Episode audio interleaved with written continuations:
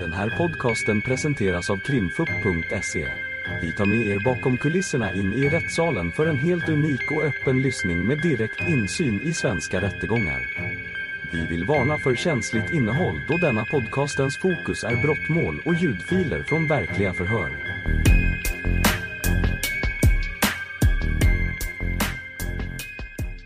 Efter den här händelsen, och jag tänker då direkt efter, så har jag beskrivit din sista minnesbild och nästa minnesbild. Och sen har jag visat den här eh, övervakningsfilmen. Där man kan se att du går ut ur trapphuset här. Ehm, och ut mot porten. Är det någonting som du minns? Nej, det är ingenting jag minns alls. Nej. Har du någon uppfattning varför du tar med dig kniven ut? Nej.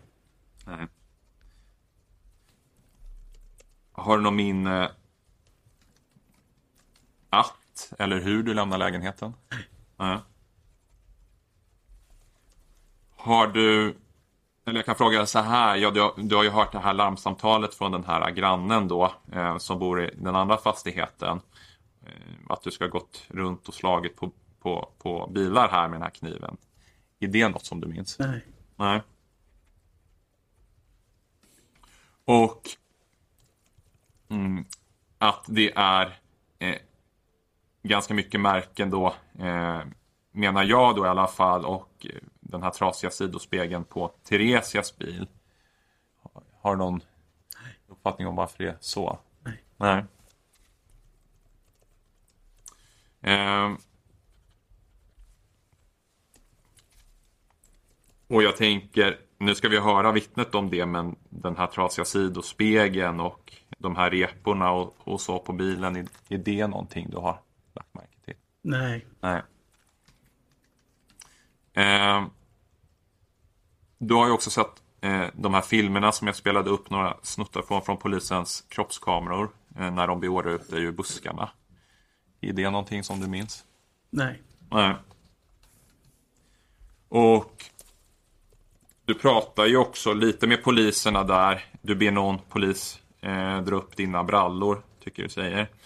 Ehm, och eh, du pratar också först om en Louise och sen om en, eh, att din flickvän heter Johanna. Är det någonting du minns? Nej. Har du någon uppfattning om varför du kröp in i buskarna? Nej. Nej. Ehm. och ehm. det här när ni går till polisbilen, är det någonting som du minns? Nej. Nej. Ehm, vi ska också höra de här poliserna, två utav dem och även en arrestvakt. Och båda, eller de här personerna har ju berättat sammanfattningsvis kan vi säga i sina förhör att du har pratat både i polisbilen men även in i arresten om att du ska ha skadat Theresia då. Är det någonting du minns att du har pratat om? Nej. Ehm, och min fråga till dig nu är eh, att du har ju ändå berättat här om eh, ja, men dagen och kvällen här den 18. Och du har berättat ändå förhållandevis detaljerat tycker jag och även i den här konstruktionen om hur det här händelseförloppet utspelar sig.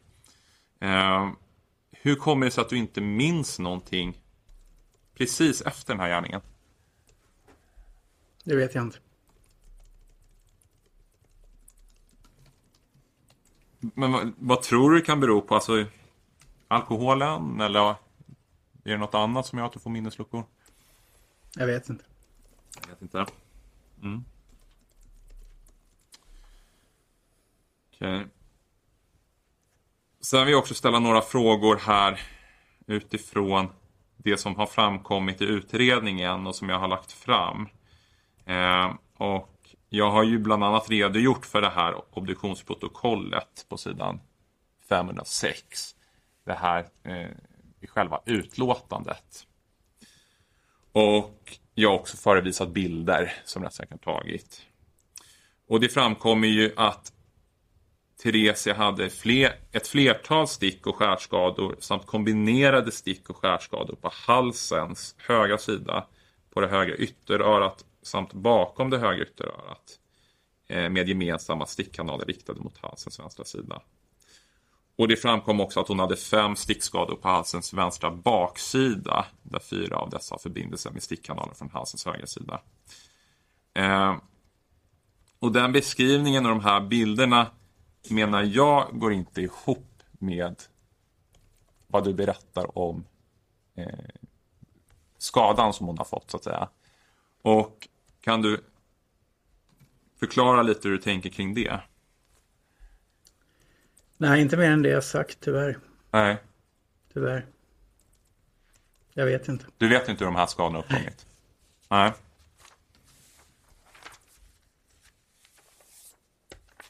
Vi har också sett att hon har i och för sig en stickskada på ena benet, men det är på vänstra lårets baksida. Eh, har du någon förklaring till hur den har uppkommit? Ja, hon fick ju kniven i benet när hon sprattlade med knäna. Mm. Jag trodde att det var högre upp. Mm. Men... Eh, ja. Så då. Ja. För jag, för jag tänker mig när du visar på rekonstruktionen så har ni kniven liksom emellan er och hon ligger och sprattlar. Och jag har lite svårt i det läget att se hur kniven träffar baksida på benet. Ja, hon sprattlar ju som en galning med knäna då. Och kniven är mellan benen på oss. Okej, Så då, någon gång. Okej. Så menar du att hon kan fått den på Ja. baksidan? Okej. Mm. Och det här eh, på eh, skärskador på mungipan då, har du någon aning om hur hon har fått det? Ja, jag har ju sagt knivens baksida förut. Mm. Eh, jag tror de missuppfattar mig där lite. Jag menar alltså kanten mellan undersidan och baksidan. Alltså den vassa kanten. Där skulle jag kunna tänka mig. Okej. Men du har, har du någon minnesbild när det liksom har hänt eller? Det var ju ett jättehandgemäng där Mm. när vi ryckte och slet så då. Mm. Men det är ingenting jag minns. Mm. Och det som rättsläkaren skriver att ehm, under skadornas uppkomstsätt och svårighetsgrad att skadorna efter skarpt våld har ett utseende starkt talar för att de uppkommit genom inverkan av stickande respektive kombinerade stickande skärande våld.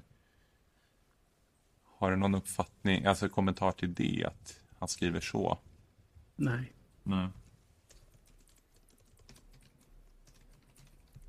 Och det här eh, som rättsläkaren skriver att under rubriken dödssätt att fynden och omständigheterna talar starkt för att dödsfallet orsakats av en annan person.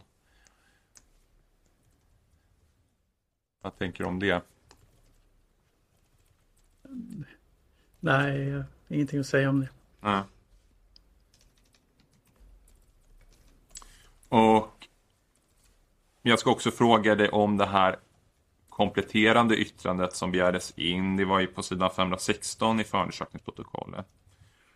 Eh, jag ska ta upp det bara för mig själv här så att jag inte säger fel. Eh, men du har ju utgått då från eh, de uppgifter som du har lämnat i förhör och det var ju ganska överensstämmande eller väldigt överensstämmande med det eh, som du gjorde på den här rekonstruktionen då. Eh, men det här som han säger då att eh, eh, sparsam blödning i bukhålan tyder på att skadan i buken inte var det första hon fått. Ja, jag har läst det. Eh, Ja. Jag kan inte svara på det. Nej. det.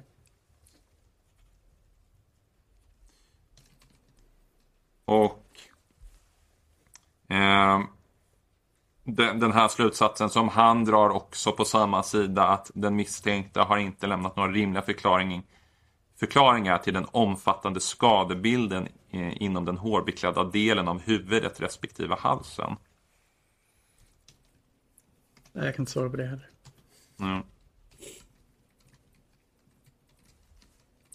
Och Ja, det har jag ju redan frågat om, men han, han skriver också då att den misstänkta inte lämnat någon rimlig förklaring till skadan på låret då. Eh, och då menar han ju det här på baksidan.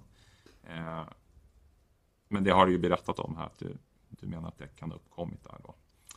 Eh, och jag ska också fråga, den här eh, sårskadan som du beskriver på vänster knä. Eh, du säger att du upplever att du, du kan ha blivit skuren på vänster knä. Eh, vet du om det var så eller minns du om du har lämnat någon annan förklaring till den? Nej, alltså det kändes så helt Mm. enkelt. Jag kan inte svära på att det var så, men det kändes så. Nej, för man ser, och vi ska väl höra polisen om det också, men i det här i samband med att de tar ut ur buskarna så frågar de ju om den här att du blöder på knät. Eh, och då vill jag eh, minnas att du säger på filmen att det är för att du har krupit i buskarna.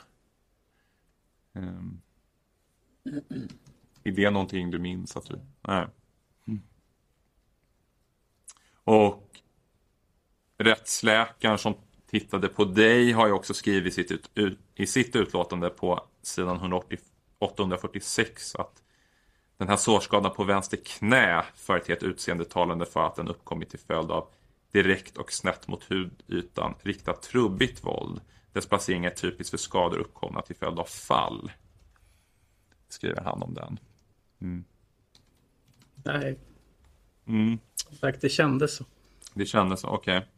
Ehm, jag vill också fråga ehm, vad tänker du om den här positionen som Theresia låg i? ehm, som jag visade på bilden igår. När hon ligger med huvudet och ja, med stora delar av ryggen mot elementet. Eh, för som du beskrev i den här rekonstruktionen uppfattade inte jag att hon låg på det sättet när du lämnade henne. Nej, alltså, så där minns inte riktigt jag att hon låg. Nej. Hon låg på bilden. Nej. Men alltså visst, jag kan ha fel. Du menar att när, när du lämnar henne att du kan ha fel om Mm. hur hon låg då? Okej. Jag minns det som jag försökte visa där på rekonstruktionen, men det, det kan ha varit så också. Mm. Okej. Ehm. Men ska jag uppfatta det då som att din minnesbild över hur hon låg då inte är helt klar? Ja, okej. Jag vill också fråga dig om den här sammantagna bedömningen då som teknikerna gör i sin brottsplatsundersökning eh, i tilläggsprotokollet på sidan 22. Ehm, där de har tagit ställning då till samtliga omständigheter och även den här blodbildsanalysen. Men att den sammantagna bedömningen är att Theresia fick sina skarpkantade skador i halsen och huvudet när hon låg på golvet på ett och samma ställe framför elementet. Eh, vid de upprepade huggen sticken har blod stängts och sprutat på intilliggande ytor samt kastats av från det äggvassa föremålet som används.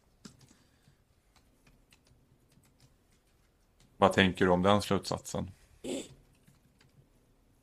Att hon har legat på samma ställe menar du? Ja, precis. Så att eh, vid de här upprepade huggen sticken så har blod stängt och sprutat på intilliggande ytor. Ja. Nej, ingenting. Nej, okej. Ehm, och om jag förstod det rätt, det du reflekterar över när du, det, det var en blodpöl på golvet. Mm. Ja, precis. Mm. Jag ska också fråga dig om, jag visade ju bilder eh, och även analyser från eh, arresten igår. Eh, och det fanns eh, på de här bilderna på dig då eh, bland annat blod från Theresia då, eller blod från Theresia bland annat i din panna och på dina kläder. Lite blodspår. Ehm, men minns du om du tvättade något innan du lämnade lägenheten? Nej, Nej. Och minns du om du tvättade kniven? nej. Nej.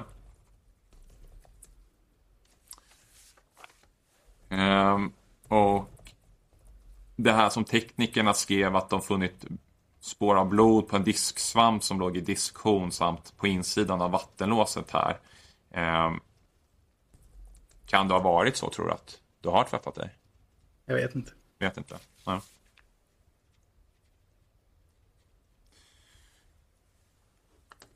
Har du något minne av när det här bråket börjar? Eh, vad du hade för kläder på dig? Nej, alltså jag har ju sett på de här kamerabilderna. Mm. Eh, och eh, ja, nej. Eh, blå t-shirt och blå shorts vet jag att jag hade på mig när i arresten som sagt. eh, Mm. Från de bilderna. Mm. Men eh, jag vet att jag hade blå shorts på mig. Mm. Så mycket kan man säga. Men jag vet inte vad jag hade för t-shirt. Nej. För, eh, vi såg ju på den här övervakningsfilmen att eh, när ni kom in här i fastigheten vid 17.30 eh, så hade du en vit t-shirt på dig. Eh, och man påträffade också en vit t-shirt här på golvet eh, i anslutning då till Theresia. Eh, kan du ha haft den på dig, tror du? Jag har ingen minne av att jag hade den på mig men eh, det kan ju ha varit så att jag hade den på mig och sen så som jag sagt förut så kanske jag spillde någonting på den och tog av den och bytte eller jag Mm. vet inte. Kan du ha bytt eh, tröja efter själva händelsen? Vet inte. Mm. Ehm. jag ska också fråga dig såklart eftersom jag har tagit del av eh, dina förhör. Eh, det har ju inte rätten. Eh, Så jag vill ändå ställa några frågor och det, det vi frågade om är att du har ju hörts vid flera tillfällen under förundersökningen. Och förutom det första förhöret då som hölls ehm, tidigt på morgonen här blir det väl den 19 maj som är ett vanligt sånt här delgivningsförhör så har man hört dig eh, ytterligare fem gånger tror jag att det är. Och eh, jag har tittat i eh, förhöret, eh, det andra förhöret och sen i ett för, eh, förhör den 11 juli och den 25 augusti. Eh, så om man tänker sig tre förhör efter det här första delgivningsförhöret. Eh, min fråga till dig är, under de förhören, minns du vad du svarar på polisens alla frågor? Eh, inga kommentarer. Ja, precis. Eh, och för jag har noterat det att du har fått frågor om när jag är på förhör, om vi säger nummer... Vi ska se här då. Ehm, nummer två då som är ett lite längre förhör eh, som hålls den 19 maj då på eftermiddagen som börjar på sidan 874. Eh,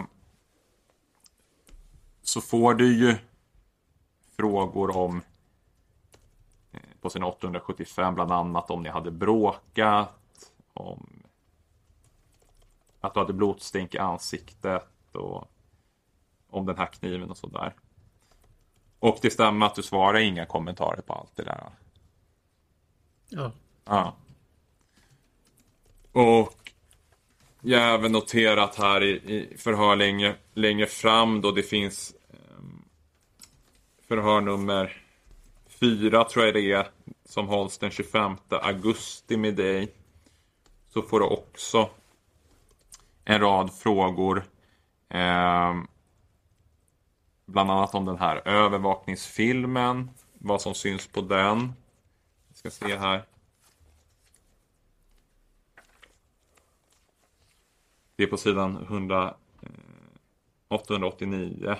Eh, nej, förlåt. Jag ska se här. Så det är, eh, 888 får du frågor om den här övervakningsfilmen. Och det stämmer att du svarar inga kommentarer då. Eh, ja. Mm. Och på sidan 889 så får du också frågor utifrån eh, bilder ehm, och hur skador på Theresia uppkommit. Ehm, på halsen och på huvudet och sådär. Och det stämmer att du svarar inga kommentarer där. Ja. Mm. Och min fråga till dig sen, för sen höll man ju ett förhör med dig eh, i början av på september. Det startar på sidan 894 i förundersökningen. Och du får rätta mig om jag har fel, men det var på ditt initiativ att du ville berätta. Ja. Och min fråga till dig är att du ville liksom berätta då, men hade svarat inga kommentarer då fram till september på alla frågor. Hur kommer det sig? Jag märkte i förhöret innan då att det såg inte så bra ut för mig det här. Nej. Och jag hade ju valt, jag fick ju välja sa polisen att jag kunde, hade rätt att vara tyst. Och jag hade sån otrolig ångest för allting. Jag mådde illa bara jag tänkte på det så jag ville, ville inte ens tänka på det. Så jag valde den vägen att vara tyst. Mm. Fram till dess att jag märkte att det här kommer inte gå så bra om jag håller tyst. Ja, okej. Så därför valde jag att berätta. Mm. Och var det här precis då i september som du kom fram till det då eller? Jag minns inget exakt datum. Nej. Men säger du det så är det säkert så. Ja, det var då förhöret hölls. Jag tänkte om du hade liksom tänkt innan och sådär På. på det här att det skulle vara bättre att berätta. Ja, det kom jag fram till efter sista förhöret när jag inte sa någonting. Ja, okej. Mm. Och stämmer också i och för sig eh, att i de här förhören så ville du inte se några av de här fotografierna på Theresia. Fortfarande inte vilja se några fotografier.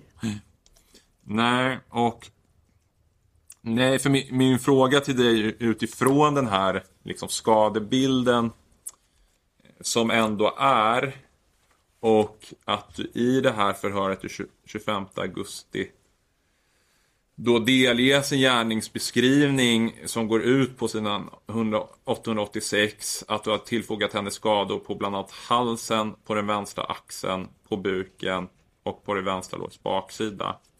Eh, att du har försökt liksom anpassa din berättelse utifrån den här delgivningen så att det ska stämma med skadebilden. Förstår min fråga? Mm. Nej, så är det inte. Det är inte så? Mm. Ehm.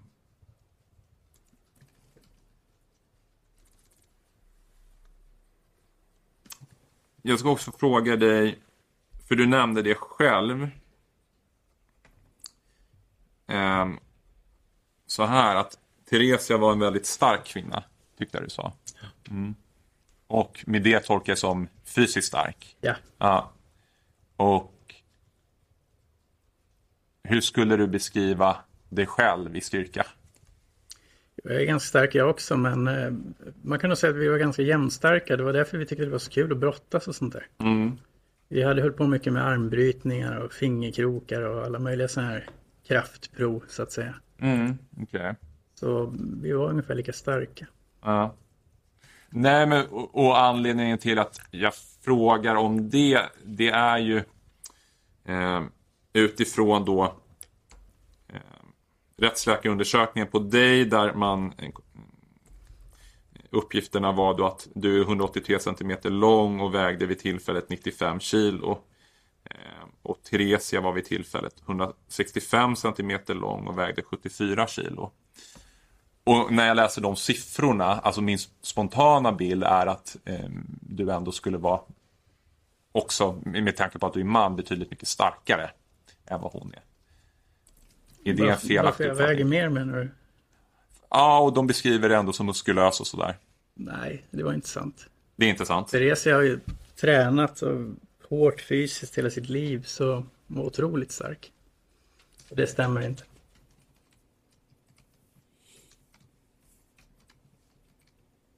Okej. Ehm. Jag tror att jag stannar så beträffande den här punkten. Eller de här två punkterna. Ja. Ja. Sen vet jag inte om vi ska ta punkten två samtidigt på samma gång. Ja, det kanske är lika bra. Ja. Eh, Men då fortsätter jag, om vi tar punkten två då. Det är den här misshandeln som jag har påstått eh, i tiden omkring den 30 eh, mars i år. Kan du berätta själv först vad det var som hände vid det tillfället? Ja, eh, vi hade bråkat. Vi hade druckit väldigt mycket först, kanske jag tillägga. Mm. Och då, vi var osams om någonting eh, trivialt. Alltså någon, jag kommer inte ens ihåg, men om ingenting i princip. Och eh, jag sitter i soffan och Theresia står på andra sidan bordet. Och så säger jag väl någonting som blir riktigt förbannad så hon tar en sån här ljuslykta och slänger den i pannan på mig. Sen springer hon runt bordet och så boxar hon mig i huvudet med knytnävarna. Och eh, jag lyckas ställa mig upp och eh, lyckas vända henne om då som står med ryggen mot mig. Då boxar hon bakåt mot mig. Så jag vet inte riktigt vad jag ska göra. Så jag tar eh, armen runt halsen på henne då och lutar mig bakåt så vi hamnar i soffan på rygg. Och så skriker jag lugna dig för i helvete. Och det gör hon. Hon släpper. Och jag släpper. Så vi sätter oss upp och då helt plötsligt får hon syn på ett skärp som ligger i soffan. Och eh, då skriker hon till mig, fan kunde du försöka strypa mig med ett skärp? Och så tar hon en ljusstake och slår i skallen på mig. Och jag säger, jag har inte använt något skärp, det var min arm. Men hon är helt säker på att jag försökte strypa henne med ett skärp. Hon ältade där fram och tillbaka, fram och tillbaka. Hur feg jag var som försökte strypa henne med ett skärp. Och så till slut så sa jag bara okej, okay, förlåt liksom. Och då var det inte mer med det. Mm. Det var väl det som hände. Okej. Och var befann er vi? Var det hemma hos henne eller? Hos henne i hennes soffa. Mm. Och ni hade druckit väldigt mycket sa du. Mm. Vad hade du druckit då? Vi hade druckit nästan en hel flaska ren sprit var. En flaska sp sprit var? Under i och för sig ganska många timmar men... Ja. Men ändå. Någonting ytterligare? Nej. Ja, okej. Okay. Och hur var du liksom i din berusningsgrad? Jag var full. Mm. Okej. Okay. Hade du koll på läget skulle du säga? Ja. ja. Rätt bra. Jag tror jag hade lite mer koll på läget än vad hon hade just det. Mer koll än henne? Mm, Hur skulle du beskriva att hon var i? Nej, hon var väldigt aggressiv och full. Och att hon fick för sig att jag hade använt ett bälte. Jag vet inte. Antingen var hon så full som hon verkligen trodde på det. Eller så vart hon förbannad för att jag lyckades brotta ner henne helt enkelt. Mm. Okay. Och vad exakt var det ni, ni bråkade om? Minns du det? Eller? Nej, men det var något helt obetydligt. Mm. Okay.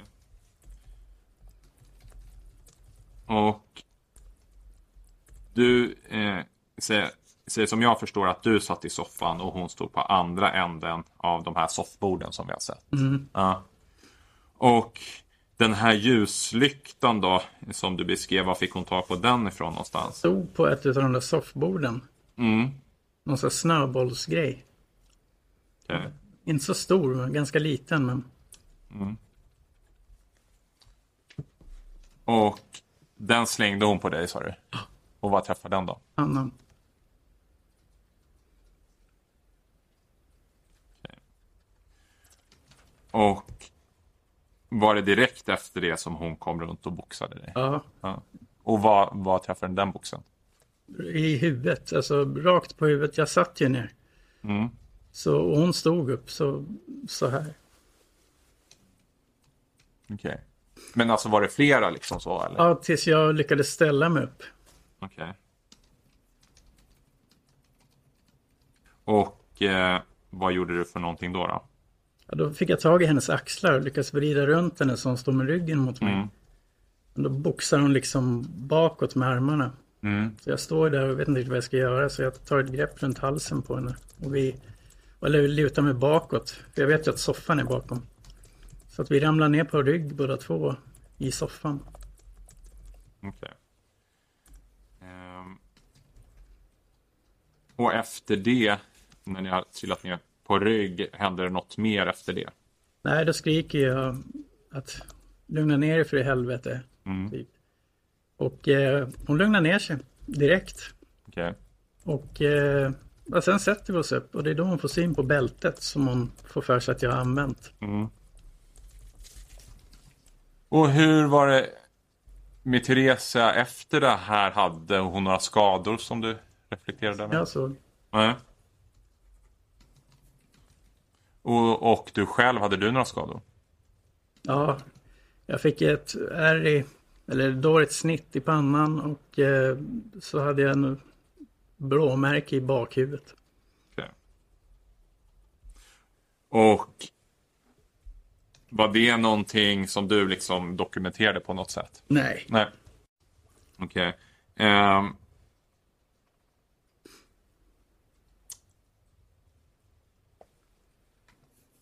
Jag tänker så här, jag ska fråga så här. Hon, Theresia har ju berättat från det här till för att vi ska höra no några av hennes bekanta.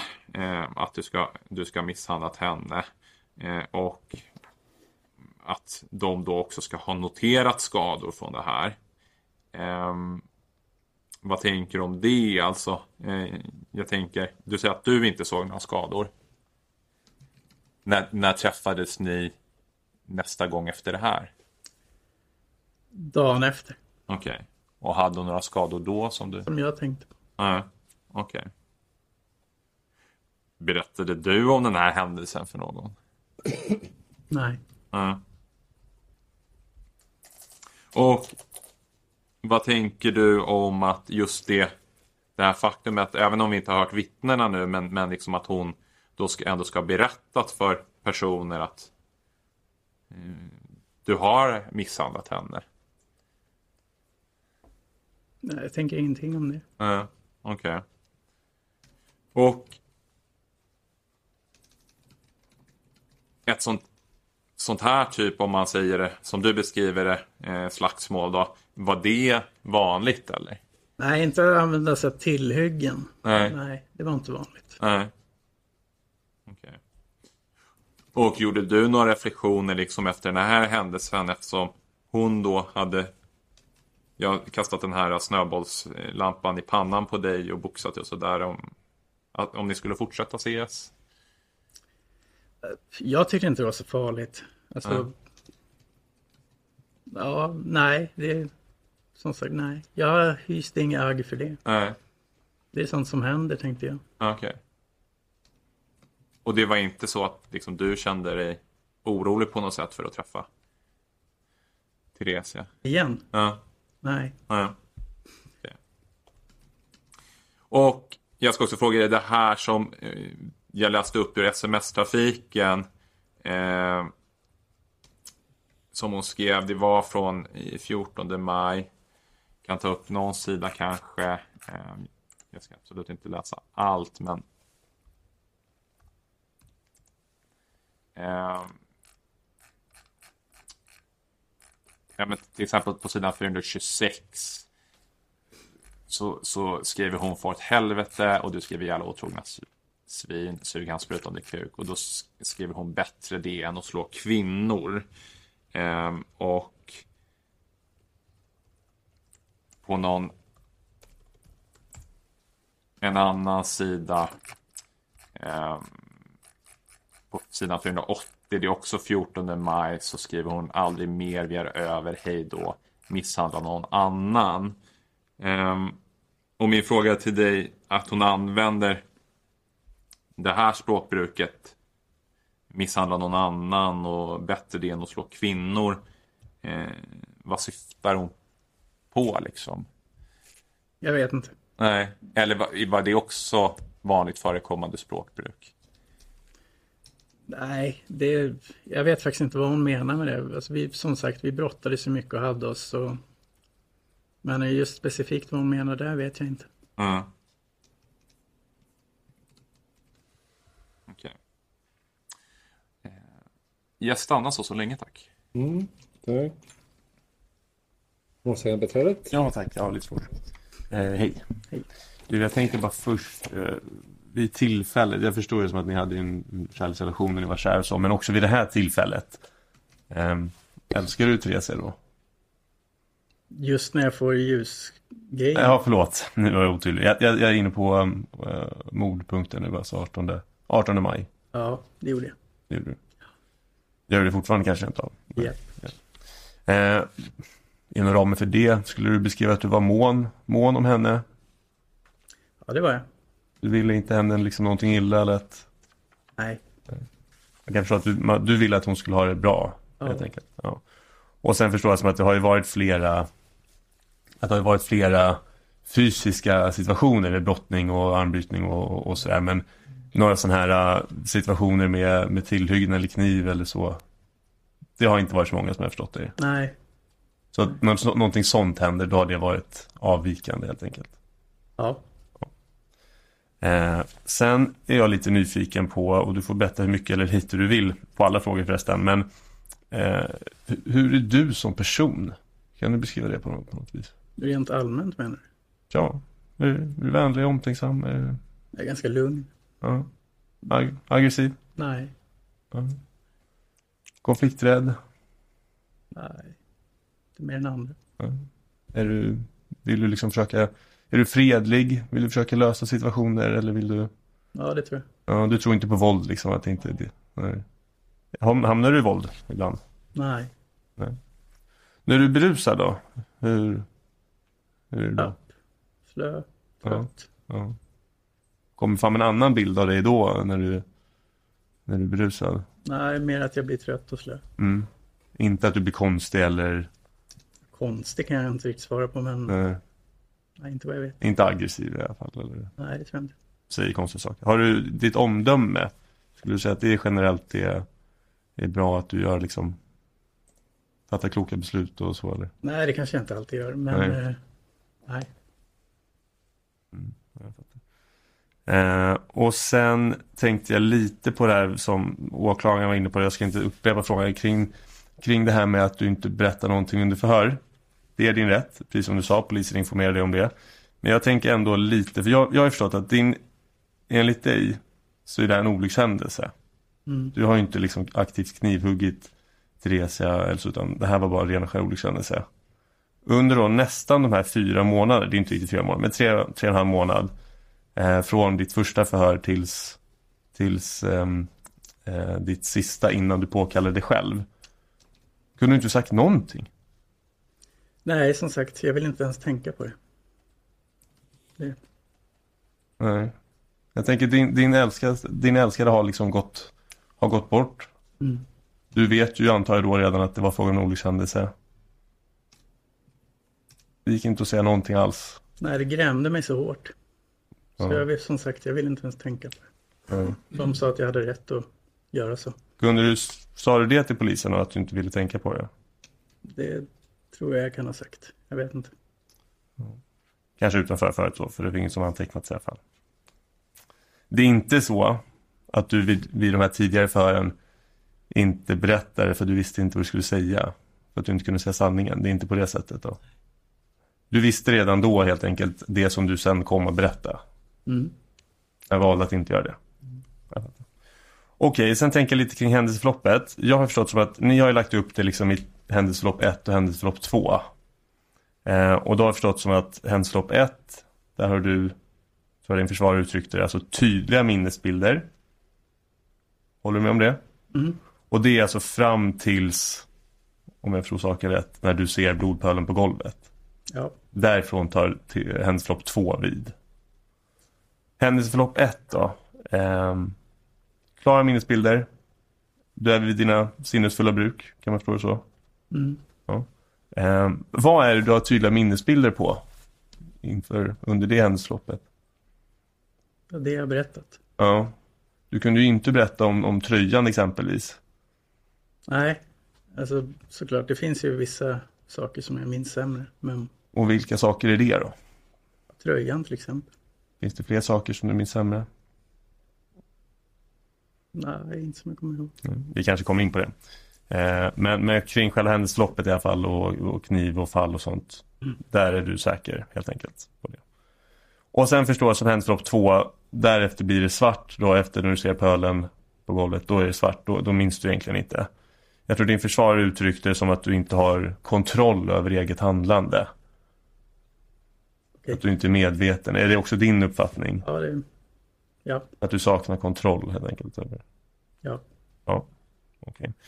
Ehm, för jag tänker, du blir ju, vi har ju sett ingripandet mot dig från polisen.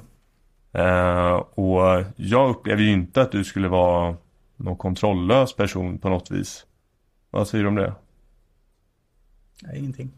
Nej. Precis som Åklagaren var inne på så, så bad du bland annat polisen om hjälp och, och dra upp byxorna för att de höll väl på att hasa ner kanske. Jag uppfattar situationen som att du ljuger om, om vem du har varit hos. Du nämnde någon, någon Louise eller liknande. Du ljuger om hur, hur eh, knä, du fick din blödning på knät. Ehm, Men allt det, är det alltså under, under tiden när du inte är medveten helt enkelt? Nej, jag minns inget av det där. Nej. Jag fattar. Jag fattar. Ehm, Mm. Okej, jag tänker så här då. Eh, under själva händelseförlopp 1 då. Så vill jag ställa lite frågor kring det. Eh, det. Det är ju två, liksom totalt två knivsituationer. Eh, som hinner uppstå innan någon blir knivskadad. Eh, och jag förstod som att du var livrädd. Du trodde liksom att du skulle dö. Ja. Eh, hur, eh, mellan de här båda situationerna, vad eh, hände då? Hon är ute i vardagsrummet, Ja. Och vad är du? i köket. Ja. Vad är din plan för att undvika eskalering vid det här tillfället?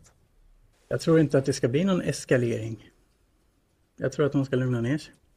Och då tänker jag så här, du berättade att det är avvikande när det blir kniv inblandat. Mm. Det har hänt en gång tidigare när hon var så här galen, då slog hon sönder dina tänder. Men nu tror du inte att det ska bli någon eskalering? Nej, det är ingenting jag tänker på sådär. Nej. Så vi har ju haft situationer liknande, fast inte med knivar då, men Mm. Hon har alltid lugnat ner sig. Mm. Eh, pratar du med henne? När hon är ute i vardagsrummet. Mm. Nej. Varför inte? Nej, alltså hon... Eh, jag har sett henne sådär förut och då brukar det vara bäst att låta henne vara. Mm. Och, och inte, jag tänker nyss var du livrädd. Det fanns ingen poäng att ändå stämma av läget. Att hon kanske mådde dåligt rent av, jag vet inte. Ingenting sånt. Nej. Nej. Jag tänkte att hon skulle komma ut och vara som vanligt. Mm. Eh, just det. Och också då vid de här tillfällena. Jag har i alla fall inte hört dig berätta, men du kan väl berätta det. Gjorde du någonting fysiskt för att, för att försvara dig? När hon... När hon viftar med kniven och så framför dig? När, första gången eller andra gången? Ja, någon av dem. Ja, första gången så hamrar hon ju och slår på mig. Alltså, Mm. Jag tror jag försöker skydda mig själv med den handen jag inte håller kniven i. Mm. Det är väl det. Ja. Och andra gången då? Nej, då blir det ju brottningsmatch ganska fort. Ja. Så nej. Ehm, det sl- slår dig aldrig liksom att du skulle kunna faktiskt fysiskt försvara dig. Alltså det är ett all- rätt allvarligt angrepp du beskriver. Att du faktiskt skulle kunna, jag vet inte, sparka henne eller Ja, att du skulle faktiskt kunna försvara dig genom att sparka bort henne eller knuffa henne eller Eller dra henne någonstans eller Nej, alltså jag har fullt upp med ena handen håller jag i kniven, eller hennes Ja. hand. Och andra Ja. håller jag i hennes hand. Då kan du väl dra henne? Ja, Men hon är lika stark som jag. Är hon det verkligen? Ja.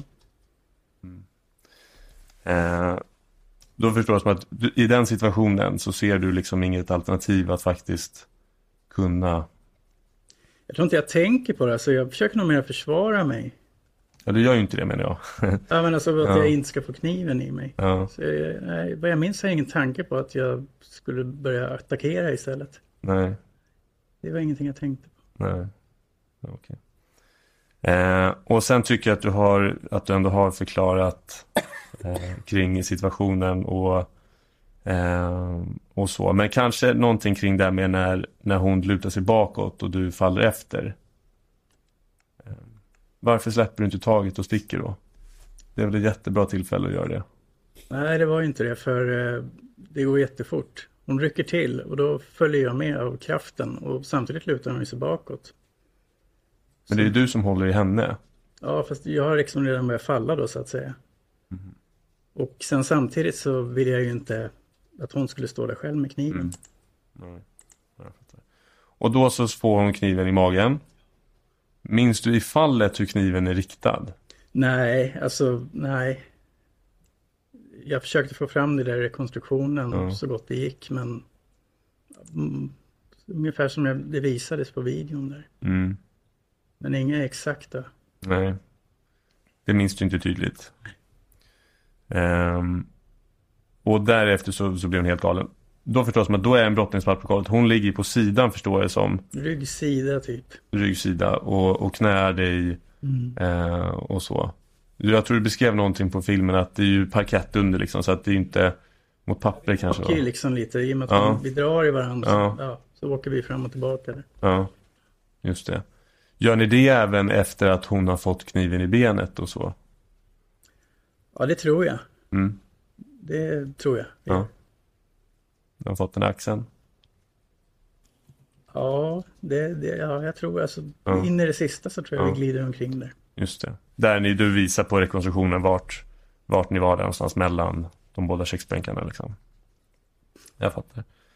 Ehm, jag fattar. Ska se, jag kan hoppa över en del. Jo, eh, kring det här med axeln förresten. När jag hörde dig på rekonstru- rekonstruktionen så uppfattade det som att du sa att det inte bekom henne alls. Nej, hon reagerade inte. Hon reagerade inte ens. Jo, någon ryck så här. Ja, Men inte så att hon släppte greppet eller något sånt där för det. Utan, Nej. nej. sa hon något eller? Hon kan ha sagt Hon kan ha sagt någonting, alltså det var ingenting jag tänkte på sådär men det är mycket möjligt att hon gjorde. Vad skulle hon kunna ha sagt då tror du? Aj eller något sånt. Mm, ja, okej. okej. Eh, och under den här tiden, jag förstår ju, eh, skreks det mycket? Det var igen ingenting jag tänkte på Nej. i stundens hetta men troligtvis. Är det här en sån sak då som du inte har så klara minnesbilder om i så fall då? Ja, det kanske man kan säga. Ja. Alltså jag var ju fokuserad på som sagt att inte få kniven i Ja. mig så Skrek du då? Tänkte du var livrädd och trodde du skulle dö? ja, det kan jag nog ha gjort. Mm. Ja, okej. Sen vill jag fråga dig. Eh, under det här händelselopp 1 så har jag förstått som att en av era grunder som ni liksom bestrider på är nödvärn. Jag uppfattar som att det var andrahandsgrunden. Eh, jag tänker liksom inte pressa dig på juridik för du har en försvarare för det. Men jag vill ändå liksom förstå din berättelse lite. Eh, var, jag förstår faktiskt inte riktigt. Du är åtalad för att ha liksom huggit, stuckit, skurit Theresia. Eh, om man då gör gällande nödvärn, alltså självförsvar. Va, vad var din självförsvarshandling? Förstår du vad jag menar då? Nej, inte riktigt. Därför du har ju inte liksom hållit i kniven när hon har, när hon har fått den i sig. Mm. Någonstans. Mm. Um, var ligger din självförsvar som, som, som gör att det skulle vara en grund att bestrida? Alltså det var en olyckshändelse menar jag. Var, var, i, var i var det självförsvar? Bra fråga. Jag själv, nej, jag vet inte. Nej. Bara för att bryta in där, precis som du är inne på, det där kanske är en fråga som är bättre lämpad för en juridisk skola att svara på så att säga.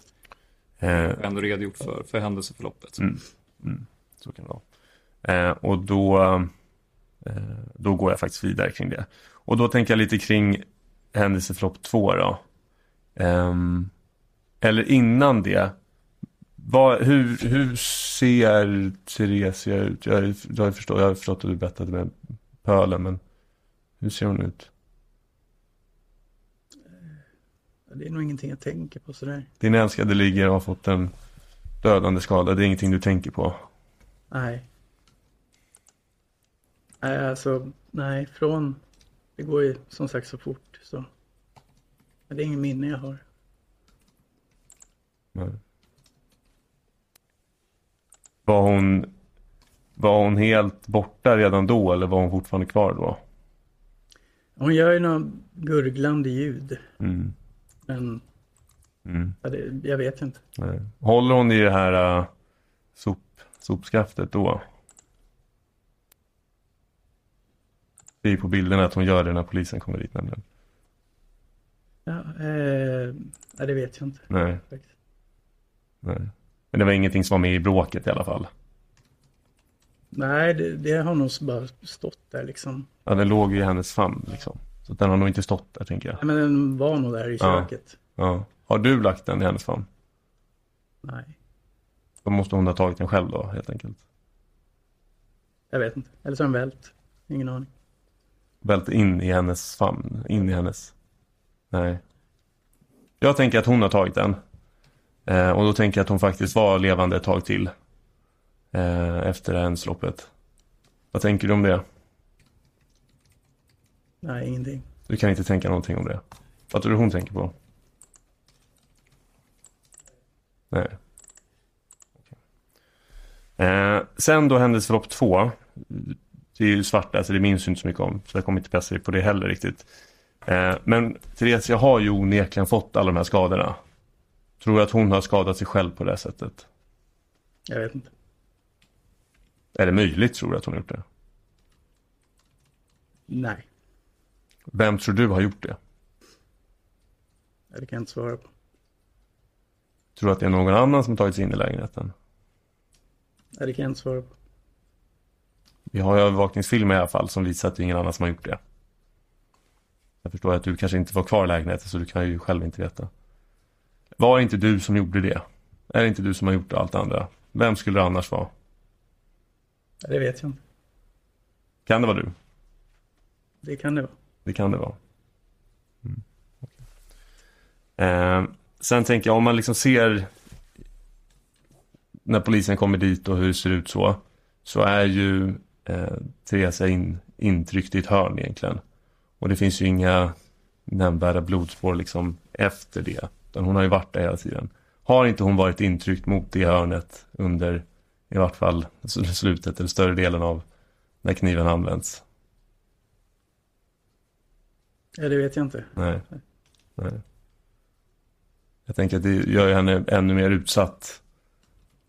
I en sån situation att hon dessutom är inträngd i, ja, det är inte ens ett hörn, det är en återvändsgränd liksom. Ja, som sagt, jag har ingen minne att hon låg som hon ligger på bilden där. Men Nej. Nej, jag förstår. Eh, En, en, en sista frågetema kring det. Ehm. Du har beskrivit dina känslor vid ett par tillfällen, att du har ångest över det som har hänt. Att eh, du inte har velat tänka på det och att du inte vill berätta om det och, och sådär. Men jag upplever att du har väldigt svårt att beskriva hur, om Theresia, alltså hur hon måste ha tänkt och så. Jag vill ändå ge dig en, en, en chans till. Det här är en person som du är mån om, som du vill väl. Finns det ingenting du kan säga kring det? hur Theresia kände? Hon måste ha känt. Jag tror hon var väldigt arg. Mm. Till slutet. Mm. Helt enkelt. Till slutet så, så var hon arg liksom. Det tror jag. Ja. Det var sån hon var enligt dig, en arg person eller? Nej, Nej. men just då var hon nog det. Okej. Något mer du vill säga kring hennes? Nej, jag saknar henne. Okej. Ehm. Du, du kommer ju att berätta för polisen om, om att du har skadat henne. Ehm, varför tror du, och det minns ju inte du så det är svårt att säga. Varför tror du att du inte gör det direkt? Jag vet inte. Nej. Om du... Jag tänker inte be dig gissa, men du kan ändå få en chans om du vill gissa om, om det finns någon rimlig förklaring. Jag har faktiskt ingen aning. Nej. Nej. Ehm, vill du att hon skulle dö? Nej, Nej. absolut inte. Jag konstaterar bara, du gjorde ju ingenting, ingen ansats för att hjälpa henne. I alla fall. Nej, inte vad jag vet. Nej. Jag, eh, jag nöjer med det. Då tror jag att det är lämpligt att ta en, en paus. Ja. Vi, tar, vi tar 15 minuters paus så fortsätter vi förut sen med försvarets frågor. Bra.